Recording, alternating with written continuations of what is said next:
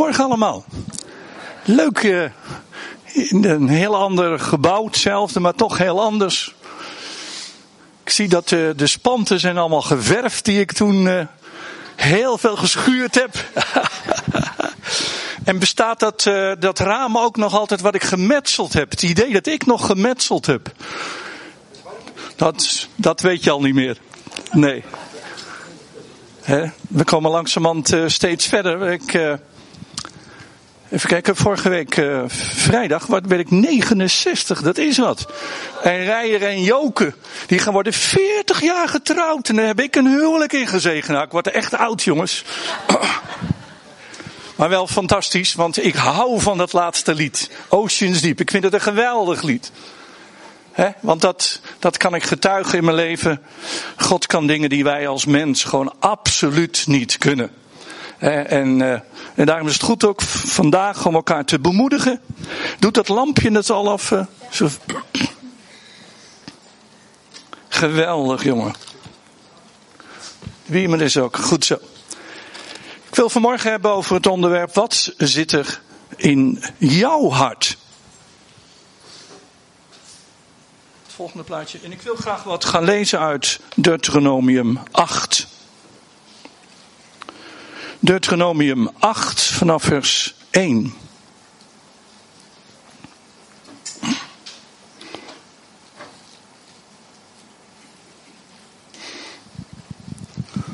Heel het gebod dat ik u heden opleg, zult geen naastig onderhouden, opdat gij moogt leven en talrijk worden en het land binnengaan en in bezit nemen dat de Heere uw vader onder ede beloofd heeft. Gedenk dan heel de weg waarop de Heer uw God u deze veertig jaar in de woestijn heeft geleid om u te verootmoedigen. En u op de proef te stellen ten einde te weten wat er in uw hart was. Of gij al dan niet zijn geboden zoudt onderhouden. Ja, hij verootmoedigde u, deed u honger lijden en gaf u het manna te eten, dat gij niet kendet, en dat ook uw vaderen niet gekend hadden, om u te doen weten dat de mens niet alleen van brood leeft, maar dat de mens leeft van alles wat uit de mondesheer uitgaat. Het kleed dat gij draagt is niet versleten, en uw voet is niet gezwollen in deze veertig jaar. Erkent dan van harte dat de Heer uw God u vermaant zoals een man, een vader, zijn zoon vermaant en onderhoud de geboden van de Heer uw God door in zijn wegen te wandelen en hem te vrezen. Want de Heer uw God brengt u in een goed land, een land van beken, bronnen en wateren, die in de dalen en op de bergen ontspringen. Een land van tarwe en gerst, van wijnstokken, vijgenbomen en granaatappelen. Een land van olierijke olijfbomen en honing. Een land waarin gij niet in armoede uw brood zult eten waarin gij aan niets gebrek zult hebben. Een land waarvan de stenen ijzer zijn en uit welks bergen gij koper zult houden. Gij zult eten en verzadigd worden en de Heere uw God prijzen om het goede land dat hij u gaf. Neem je ervoor in de acht dat gij de Heer uw God niet vergeet door zijn geboden, zijn verordeningen, zijn inzettingen die ik u heden opleg te verwaarlozen. Opdat wanneer gij eten en verzadigd wordt, goede huizen bouwt en die bewoont. Uw runderen en kleinvee zich vermenigvuldigen en uw zilver en goud zich vermeerderen. Ja, al wat gij hebt zich vermeerderd, uw hart zich niet verheffen. En gij de Heer uw God vergeet, die u uit het land Egypte uit het diensthuis geleid heeft, die je deed gaan door de grote en vreselijke woestijn, met vurige slangen en schorpioenen en dorstig land zonder water die uit de harde rots voor uw water tevoorschijn deed komen, die in de woestijn met het manna voedde dat uw vaderen niet gekend hebben, om u te verootmoedigen, u op de proef te stellen en u ten laatste wel te doen. Zeg er niet bij uzelf, mijn kracht en de sterkte mijner hand heeft mij dit vermogen verworven. Maar gij zult aan de Heer uw God denken. Want Hij is het die uw kracht geeft om vermogen te verwerven ten einde het verbond gestand te doen dat hij uw vaderen gezworen heeft, zoals dit heden het geval is. Maar het zal geschieden, In die gij de Heer uw God ten ene vergeet. Hè, dan komt dat weer terug, wat we net ook al gelezen hebben. En andere goden achterna loopt. Hen dient en u voor hen nederbuigt. Ik betuig heden tegen u dat ge verzekerd zult omkomen.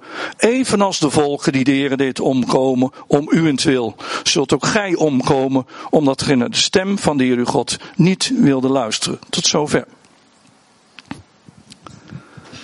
We hebben een goede God. En die verlangt ernaar dat het goed gaat in ons leven. Het valt me op dat um, wij allemaal andere ideeën hebben wat nou eigenlijk leven is.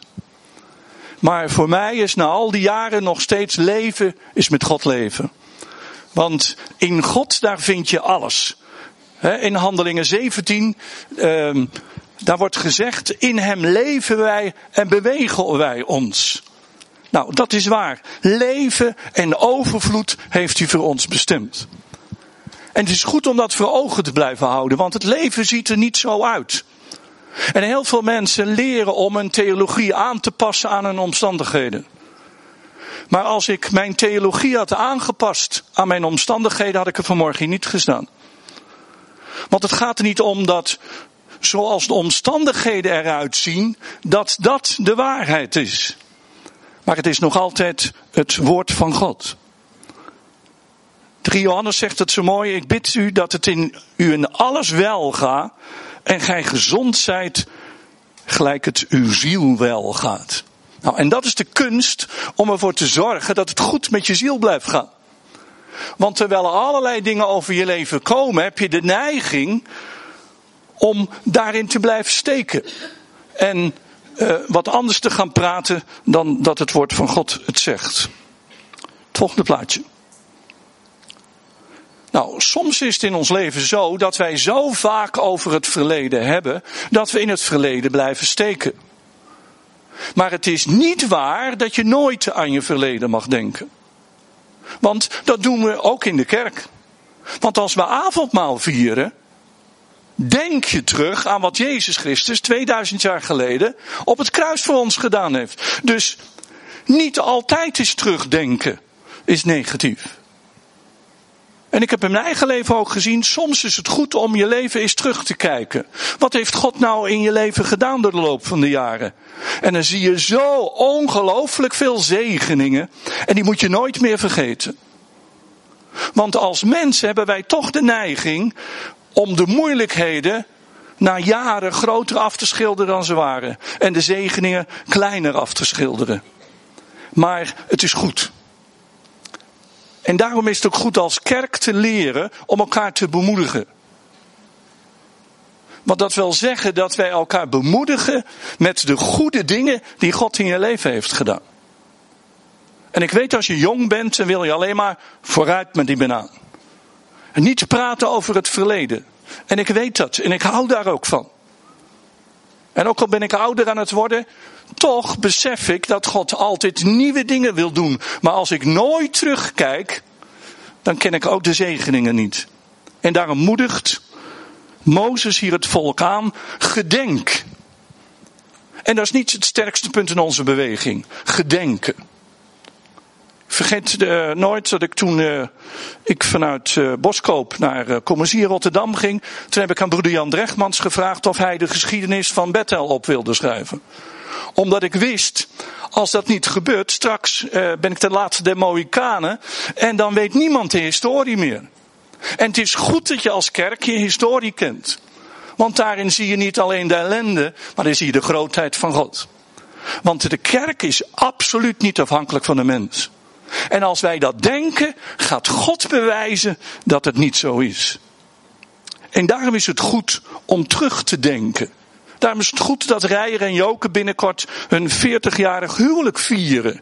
Kan je zeggen, nou bravo. Nee, het is goed om dat te vieren, want veel halen het niet.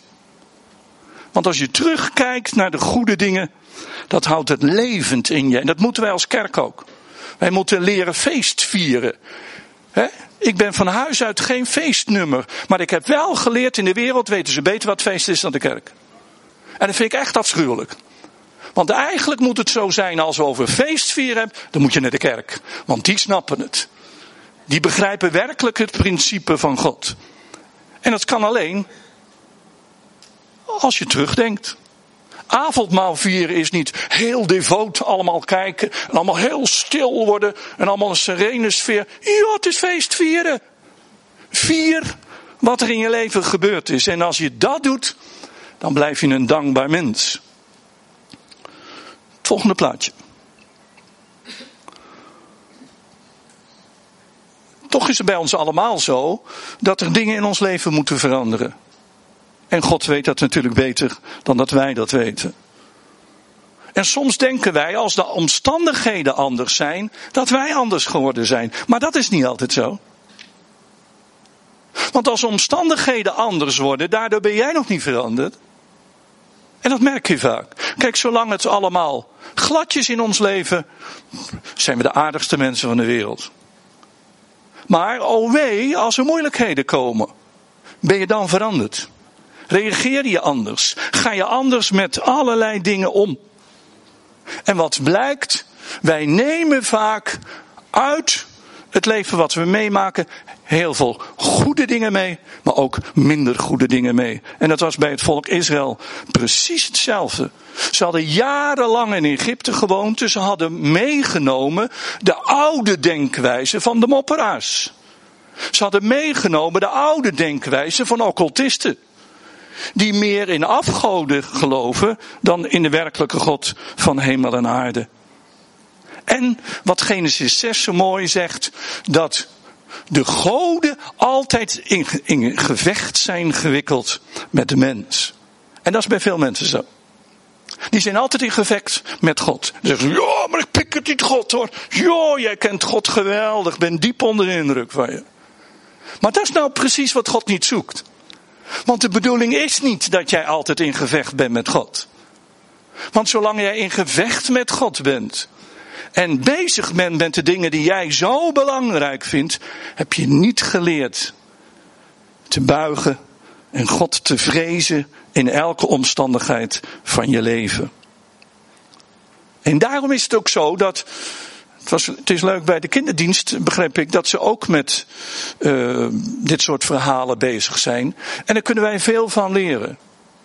Want in moeilijke omstandigheden geeft God mij de gelegenheid dat dingen veranderen. Kijk, stel je voor dat wij op het moment dat we leven, ons leven aan Jezus zouden geven, dat we meteen allemaal naar de hemel zouden gaan. Jongens, wat een rotzooitje in de hemel. Want we zijn er helemaal niet klaar voor. Want het is wel leuk om naar de hemel te gaan, maar als jij er komt, jongen, jongen, jongen, jongen. Dus God is zo vol van genade, dat hij het leven wat we hier leiden gebruikt om mij te veranderen. En er zijn er dingen die ik niet prettig vind, maar er zijn dingen die God niet prettig vindt. En waar Hij mee bezig is om ons leven te veranderen. Hij wil ons opvoeden en hij wil dat wij werkelijk gaan veranderen. Het volgende plaatje. Daarom viel me op dat in dit hoofdstuk wordt drie keer het woord verootmoedigen gebruikt. Nou, dat is niet het sterkste punt van de evangelische beweging. Want verootmoedigen wil zeggen dat je gaat begrijpen eigenlijk hoe het zit. Dat je begrijpt wie God is, maar dat je ook begrijpt wie je zelf bent. En als hier drie keer in dit Bijbelgedeelte gesproken wordt over verootmoedigen. De nieuwe vertaling zegt hij wilde zijn macht laten voelen. Maar dat zegt dan wat over God. Maar verootmoedigen zegt niet wat over God. Dat zegt over u en mij. En het boek zegt, dat vind ik beter vertaald. Hij maakte u nederig. Dus blijkbaar, om met God te kunnen leven, moet er in ons hart wat veranderen. En God is zo genadig dat hij dat wil. Het volgende plaatje. Want het diepste probleem met ieder mens is de trots. Want we klagen als we tekort komen. En we vergeten als we genoeg hebben. En dat wil zeggen, eigenlijk is het nooit goed. En is bij sommige mensen ook zo. Er valt altijd wat te klagen. Maar als je altijd aan het klagen bent, wie is er dan aan het werk? Heb je dan een oog voor wat God in je leven doet? Of heb je alleen maar oog wat jij prettig vindt en wat handig voor jou zou zijn? Want het is niet de bedoeling dat ik God ter verantwoording roep. Volgende plaatje.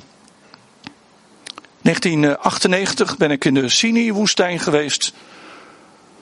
Toen was mijn eerste vrouw overleden. Toen was ik alleen drie weken in Egypte, de Sinai-woestijn. Ik heb er ongelooflijk veel geleerd.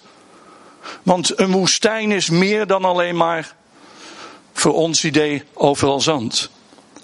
Maar de woestijn laat zien dat een mens moet leven soms zonder alle geweldige dingen die we hier hebben.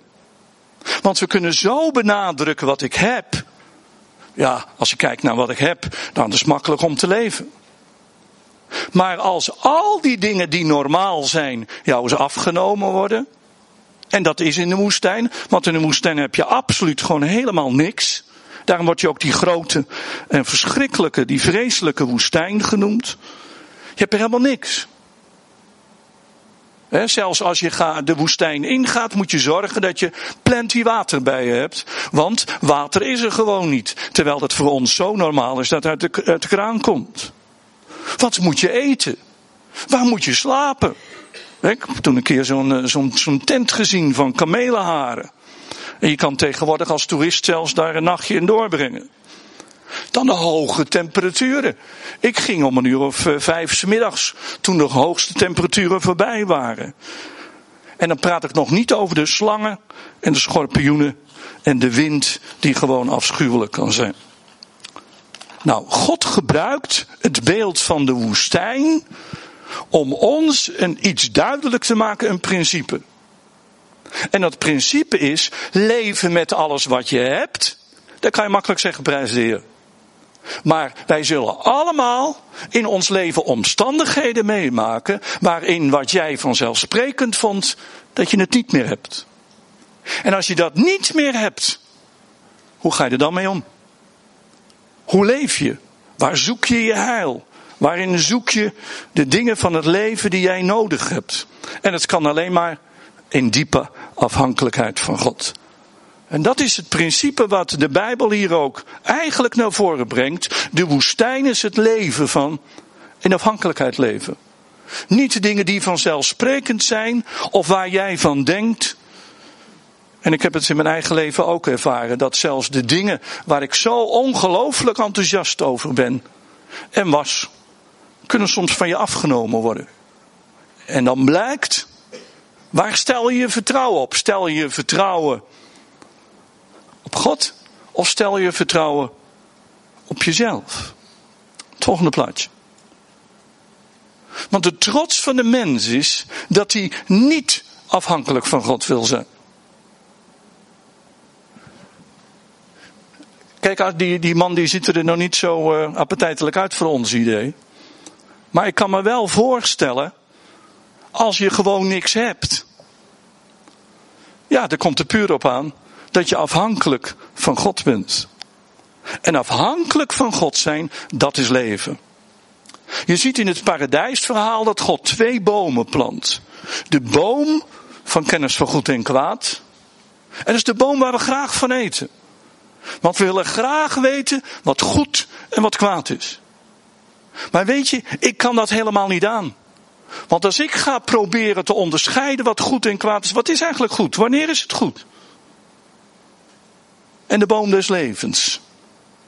En vroeger had ik ook veel meer dat ik wilde het begrijpen. Ik wilde het snappen. En als ik het snapte, dan geloofde ik het. Maar ik heb gezien, het snappen is voor God een probleem. Want als ik het snap en niet in afhankelijkheid van God leef, heb ik geen leven. Want leven is niet het leven snappen. Want de wereld is vol van mensen die het leven willen snappen. Intellectuelen schrijven hele ingewikkelde boeken waar je vijf keer moet lezen voordat je eindelijk snapt wat ze bedoelen. Maar het is de zucht diep in de mens. Ik wil het begrijpen. Maar weet je dat ik het al lang afgelegd heb? Ik wil het begrijpen. Er zijn heel veel dingen die ik niet begrijp. Maar ik hoef niet te begrijpen als er maar leven in is. En leven is er altijd in relatie met God. En in relatie met God, in afhankelijkheid van God. God doet het altijd goed. En dat leer je. Dus zelfs als ik dingen niet begrijp, het is zelfs een hindernis die je af moet leggen om een afhankelijkheid van God te leven. Het volgende plaatje. Nou, en dat is de reden dat God een mens op de proef stelt. En op de proef stellen is niet eenvoudig. Want iedereen kan met een grote mond, als die alles heeft, zeggen: Oh, ja, je hebt alles. Kan je makkelijk zeggen. De heer danken voor je eten terwijl er uh, plenty de, een berg op je bord zit, dat is makkelijk. Maar de heer danken als je niks hebt. Als je dingen kwijt bent.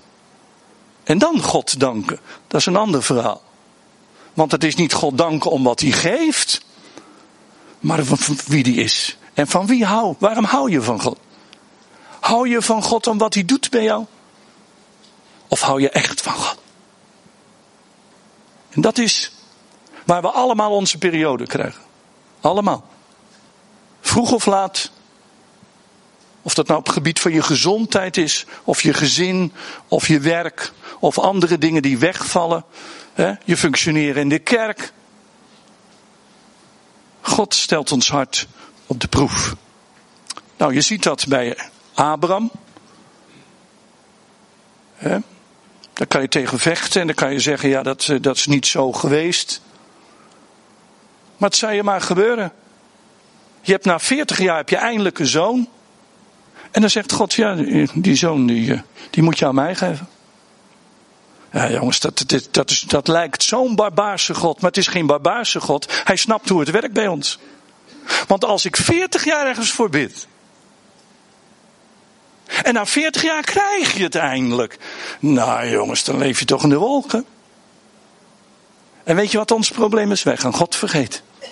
Om een afhankelijkheid van Hem te leven. Want ik moet God lief hebben boven alles.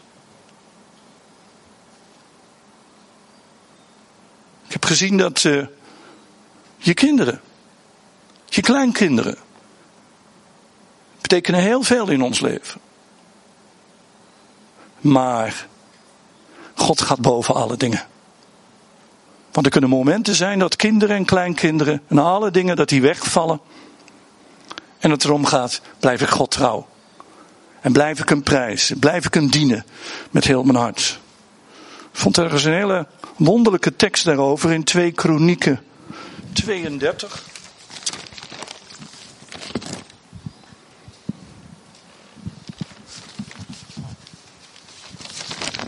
Kan je bijna niet geloven dat het er staat. 2 Kronieken 32, vers 31.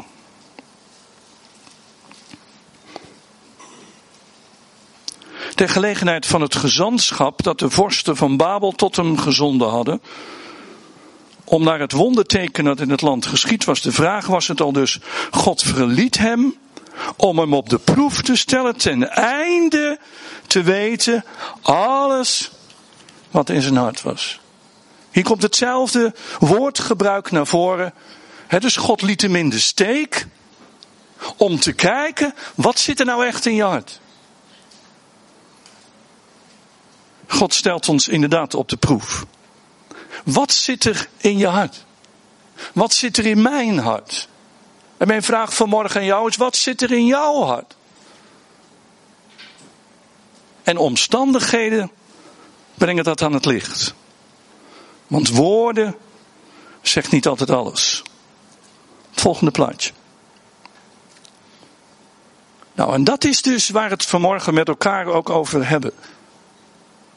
Ten einde te weten wat er in uw hart leeft. Nieuwe vertaling om te ontdekken wat er in uw hart leeft. Het boek om te zien hoe u zou reageren. En daarom ben ik blij dat wij een deel van een kerk zijn. Want er zijn momenten in mijn leven geweest, als ik alleen was geweest, had ik het niet overleefd. Maar omdat wij er voor elkaar zijn, elkaar ondersteunen, elkaar niet op de moeilijkste momenten beschuldigen of allerlei dingen zoeken waar een ander nog wel een foutje heeft of nog zondigt, ja dat zal wel, echt.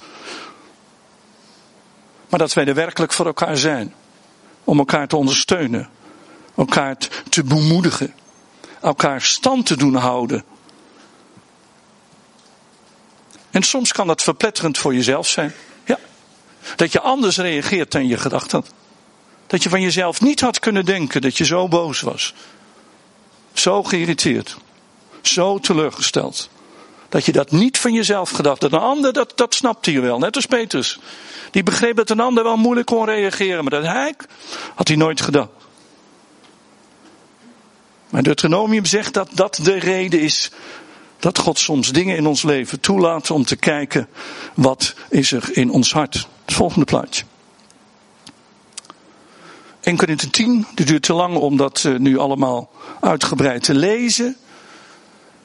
Daar haalt Paulus het volk Israël aan.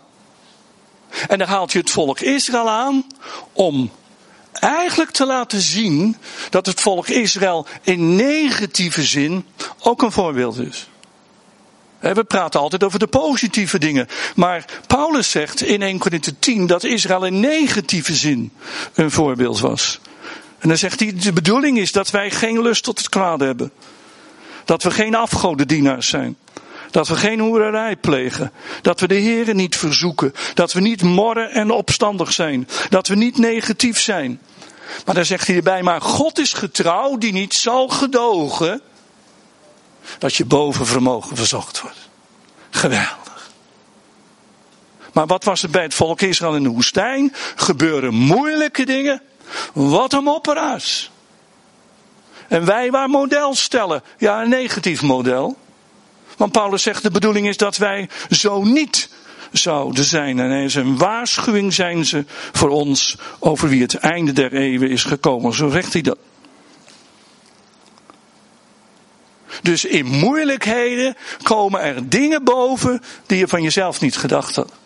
Is dat gemeen van God? Nee, dat is genade van God. Dat is nou genade. Want stel je voor dat het er nou bleef zitten. Ja, dat komt er altijd op de verkeerde momenten eruit.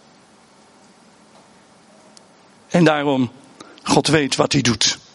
God is ongelooflijk genadig dat jij er los van kan komen. Want als we er niet van loskomen, komen we om door de eigen keuzes die we maken. Het volgende plaatje. Wat komt er in jouw hart boven als je het moeilijk? Begin je dan over vroeger? Begin je dan de leiders van je kerk de schuld te geven? Ga je dan je vrouw de schuld geven? Ga je je man de schuld geven? Je vader en je moeder, je kinderen? Jongens, wat kan je veel een ander de schuld geven? Maar wat komt er in jou openbaar? Het verleden, verheerlijken, angst, ongehoorzaamheid, noem maar op allemaal. Wat zit er in jouw hart? En de Bijbel zegt hier dat God de omstandigheden in de woestijn gebruikt om dat in ons hart openbaar te maken. Het volgende plaatje. Maar dat is niet negatief, dat is positief. Ten einde om ons wel te doen. God wil ons zegenen. God wil dat het goed met ons gaat. Werkelijk goed met ons gaat. En ik snap alle dingen in het leven ook niet. Want de een wordt tien en de ander wordt 95. En waarom? Ik weet het niet. Maar één ding is zeker, zolang wij op deze aarde zijn, is het een leerschool om te leven in diepe afhankelijkheid van God. In het najaar is gevraagd of ik hier een cursus wil geven op zoek naar waarde. Die heb ik op de Bijbelschool. 16 jaar heb ik die gegeven, vanaf het begin van de Bijbelschool tot vorig jaar. En dat is een geweldige cursus dat wil zeggen dat waar ben je eigenlijk in je leven naar op zoek? Nou, en ik denk dat het meest waar een mens naar op zoek is, is naar waarde. Je wil van waarde zijn. En in die cursus vertel ik over hoe we God ons als mens geschapen heeft. Hoe er door de zonde verkeerde dingen bij zijn gekomen. Maar hoe er de genade van Jezus Christus er geweldige dingen openbaar komen. Alleen de oplossingen die wij gezocht hebben is je altijd aanpassen aan een ander. Proberen, net als ik, veel te presteren, zodat je een goed gevoel van eigenwaarde hebt. Hoe ga je om met schuld? Hoe ga je om met schaamte? Maar wat het allerbelangrijkste is, Hoe leer ik anders denken? En dat is een geweldige cursus waar je in tien avonden een stuk onderricht van mij krijgt. En na een pauze met elkaar in groepen daarover gaat praten. Gewoon, laagdrempelig. Niet dat het in het metalblaadje uh, komt, maar gewoon omdat je veilig bij elkaar bent. En je zult zien, dit verandert je leven. Uh, Erika heeft op de Bijbelschool uh, het gehad. Nou, ik sta er elke weer verbaasd over wat dat in je leven doet. En het is meer dan de moeite waard. Dus ik wil je aanmoedigen, kom allemaal. Het is tien avonden, wat is nou tien avonden? Kom gewoon. En uh, Erika en de man, hoe heet jij ook alweer? Die zullen samen alle informatie verschaffen die, uh, die nodig zijn. En uh, je kunt erop rekenen, het is zeer de moeite waard. Het volgende plaatje.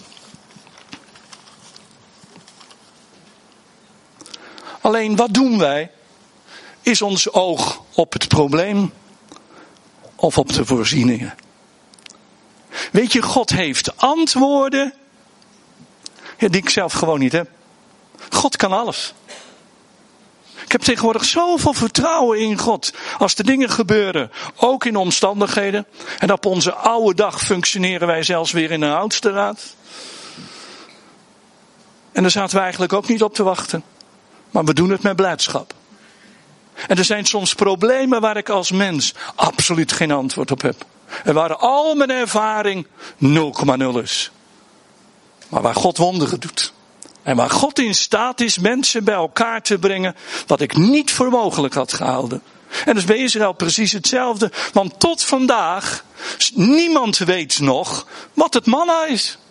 Het betekent, wat is het? Manu. Ja, we kunnen erover praten. En er is een dikke pil die gaat allemaal over uh, archeologische dingen in Israël. En die proberen te verklaren dat het manna, um, dat was iets aan een bepaalde struik. Ja, leuk verzonnen, maar het is gewoon niet waar. Want daarna is het gewoon nooit meer gebeurd. Dus God kan dingen tevoorschijn brengen. Die daarna nooit meer tevoorschijn komen. En mensen hebben er 40 jaar van gegeten. Nou, als God een mens 40 jaar kan laten eten. Wat zou die bij ons dan niet kunnen? Alleen wij zijn zo geïndoctrineerd door het denken van de wereld. En als onze mogelijkheden stoppen, dan zeggen ja, dat kan niet meer hè.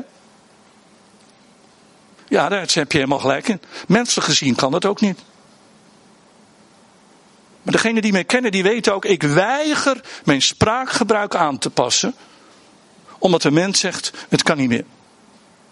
mijn eerste vrouw is overleden. Ik ben uit de dood weer opgestaan en op een wonderlijke manier gaan leven. God kan alles. Alleen zodra je gaat redeneren, ben je weg. Want wij moeten als kinderen van God niet redeneren. Wij moeten rekening houden met de voorzieningen van God. En bij God zijn alle dingen mogelijk. Hij kan zelfs, hè, Psalm 78 noemt het engelenbrood. Nou, dat is nogal wat. Hè, zoet, weet ik allemaal wat, wat er van gezegd wordt. Volgende plaatje. Zelfs Jezus heeft gehoorzaamheid moeten leren. Nou, dat treft mij diep. Als er één iemand was waar ik niks op aan te merken heb, is op Jezus. Maar de Bijbel zegt, hij moest zelfs gehoorzaamheid leren. Nou, als hij het moet, nou, ik helemaal. Ja, toch? En wat gebruikt God daarvoor? Soms dingen die jou lief zijn. Ik heb de afgelopen jaren, ik kan niet alles in heel gedetailleerd vertellen, maar ik zal een klein beetje ervan vertellen. Al voordat ik met pensioen gegaan was, had God mij in mijn hart gelegd om iets te gaan doen voor Nederland. Dat als wij als oudere generatie ons leiderschap neerleggen, dat er een nieuwe generatie gaat komen. En alles wat ik in mijn leven geleerd heb, dat ik dat ten dienste van die generatie wil stellen. Ik ben toen met een opleiding uh, begonnen. En geweldig. Ik was er zo ongelooflijk enthousiast over. En tot de dag van vandaag zijn de gevolgen ervan te vinden op een positieve manier in levens van mensen. Maar door de moeilijkheden in de kerk waar wij zijn. En die een deel hiervan uitmaken. Van de ene dag op de andere dag. werd gestopt. Wat God tot mijn hart had gesproken. Waar ik van wist dat het de wil van God was. En waar ik zo ongelooflijk blij over was.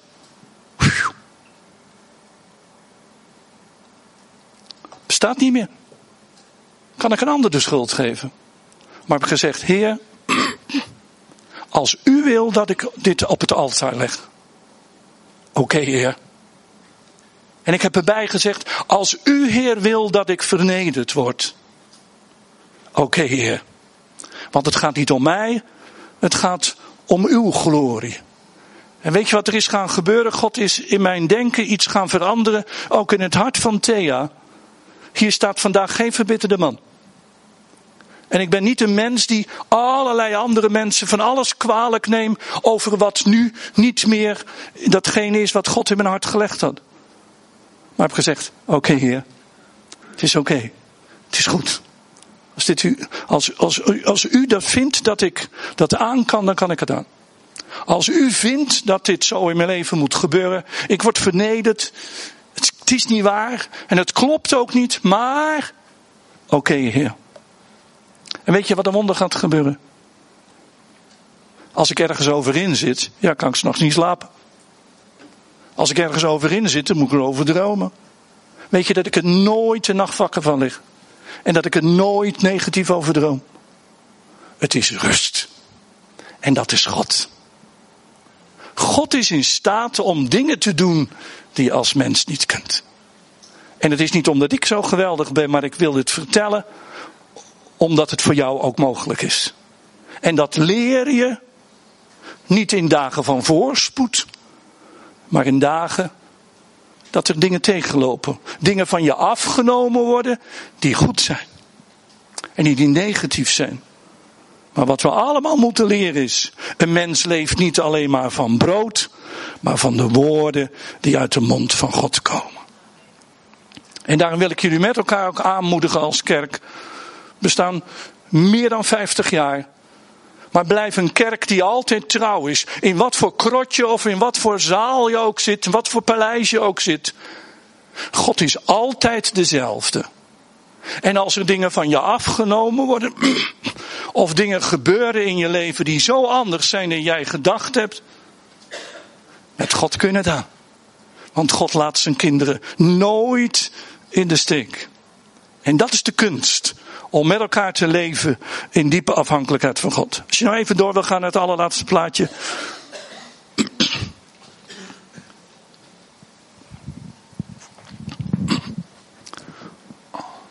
Juist.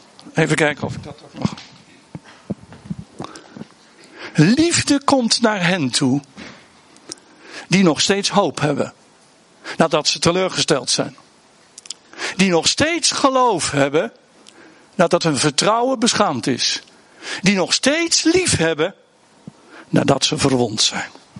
Nou, dat is mijn verlangen voor iedere van u.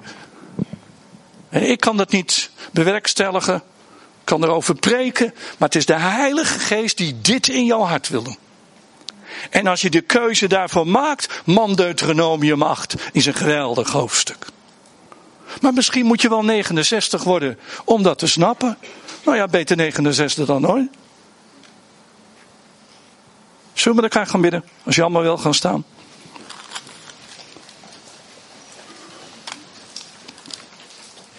Heer, dank u voor deze morgen. Dank u voor de Bijbel, Heer, dat hele oude boek. Wat een waarheid staan erin, waarheden staan erin. En de Heilige Geest wilt u het aan ons woord, aan ons hart bevestigen. Vergeef ons, Heer, dat wij soms door alle dingen in ons leven gewoon eigenlijk in de war zijn geraakt. Wat we als waarheid zien dat het een leugen is. En andersom. Maar door het wonder van uw genade verandert u ons. Heer, ik dank u voor deze morgen. En Heilige Geest wilt u dit Bijbelgedeelte in ieder gemeentelid, iedere man en vrouw die er is, opnieuw in een hart bevestigen. Dat we zeggen, Heer, hier ben ik. Ik wil u volgen. Niet alleen als het makkelijk is, niet alleen als het gaat zoals ik wil, maar onder alle omstandigheden. Ook als kerk. Geef je over. Als hier vanmorgen mensen zijn die nog nooit hun leven aan Jezus hebben gegeven, kies vanmorgen voor Jezus. Alleen jij zal van je troon af moeten stappen, zodat Jezus erop komt te zitten. En wil jij die keuze maken, je mag zo meteen naar voren komen. En willen graag voor je bidden, want zo zijn we allemaal begonnen. Misschien zijn er mensen onder ons midden die zeggen: Ja, dat is waar. Ik merk dat in mijn leven. Er is zoveel opstand. Hoeft me iets te gebeuren wat anders gaat dan ik in mijn hoofd heb. Dan ben ik al helemaal van slag af. Maar het gaat er niet om dat jij de boel in de hand hebt. Maar dat God alles in zijn hand heeft. En als jij zo'n mens bent die daarvan af wil. Die zegt, ik wil me ervan bekeren. Ik wil anders zijn. Ik wil God in mijn leven laten werken. Dan mag je zo meteen naar voren komen. En willen graag voor je bidden. Dat je een glorieuze christen gaat worden. Niet omdat je leven zo makkelijk is. Maar je ziel is tot rust gebracht. Die stormt niet meer. Je bent niet met God meer in gevecht. Maar het is rustig. Omdat je zegt, Heer, hier ben ik. We gaan zo meteen met elkaar een lied zingen. En dan wil ik je uitnodigen. Ga niet de zaal uit zonder dat er iets in je hart veranderd is. Want je gaat weer aan de tredmolen van het leven, ga je door. Maar de bedoeling is niet dat je doorgaat, de bedoeling is dat we anders worden. En vanmorgen kun jij een keuze maken. Om Jezus toe te laten in je leven. En je zult zien, de moeilijkste dingen. Gods genade is altijd groot. En het manna van God is beter dan het eten wat jij voor jezelf allemaal verzameld hebt. Heilige Geest doet uw werk op dit moment. Want het gaat er niet om dat we het intellectueel snappen. Maar dat we geraakt worden. Dat we mensen zijn die klaargemaakt worden voor datgene wat u voor ons bereid heeft. Heer, ik bid u voor de leiders van deze gemeente. Stort uw genade over hen uit. Want zij kunnen het niet, Heer, maar u wel. En wilt u iets van uw kunde op en uitstort. Want we willen een kerk zijn die een diepe afhankelijkheid van God leeft. In Jezus' naam. Amen.